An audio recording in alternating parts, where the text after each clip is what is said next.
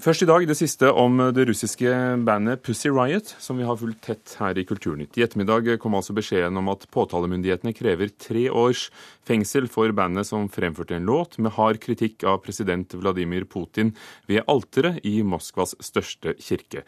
Utenriksmedarbeider og tidligere Moskva-korrespondent Jan Espen Kruse. Er eh, påstanden om tre års fengsel fra påtalemyndighetens sluttprosedyre overraskende? Ja, jeg syns det er overraskende. På forhånd ble det jo snakket om at eh, sju års fengsel ville være det mest sannsynlige. Og eh, Vi har jo sett tendensen i Russland i den, i den siste tiden. altså At eh, protester eh, mot regimet, mot Putin, det blir straffet hardt. Man bruker all verdens metoder for å begrense opposisjonen. sånn at det, Når man da snakker om tre år her, så er det overraskende lite, etter min mening. Det har vært store internasjonale protester, og dette har preget forsider og medier i mange land. Artisten Madonna har protestert, mange andre virkelige verdensstjerner. Mm. Og under et besøk i London for eh, noen dager siden sa Putin at de unge kvinnene ikke bør dømmes for hardt. Er det troverdig at, at Putin går inn og, og legger føring for rettssaken? Ja, Det er jo han som eh, i praksis styrer dette greiene. Altså, det, det, det, tragiske i Russland er jo at det er ikke noen maktfordeling. Eh, altså, Det er rett og slett sånn at den utøvende makten dikterer alt. Ikke, det er ikke en rettsstat, man har ikke et uavhengig rettssystem. Eh, det er rett og slett sånn at den politiske ledelsen gir sine ordre til, eh, til, dommerne, til rettssystemet, og de utfører det de får beskjed om å gjøre. Så på den ene siden så, så, så blir de anklaget eh, for oppvigleri, og på den annen side så blir de bedt om å dømme mildt?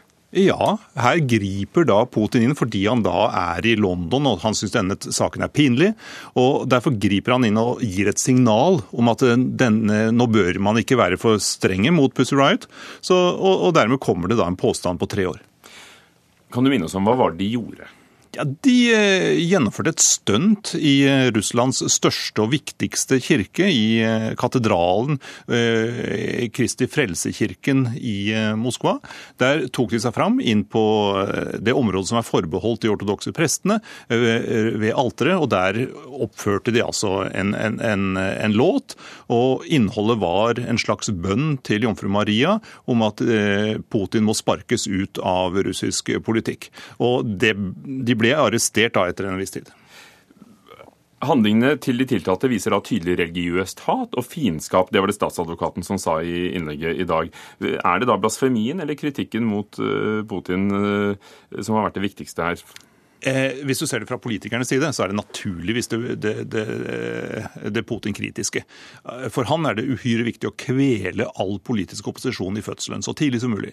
Men det er helt åpenbart at veldig mange av Russlands ortodokse kristne eh, har blitt støtt av, av det disse jentene gjorde. Så, så, det er en kombinasjon i høy grad.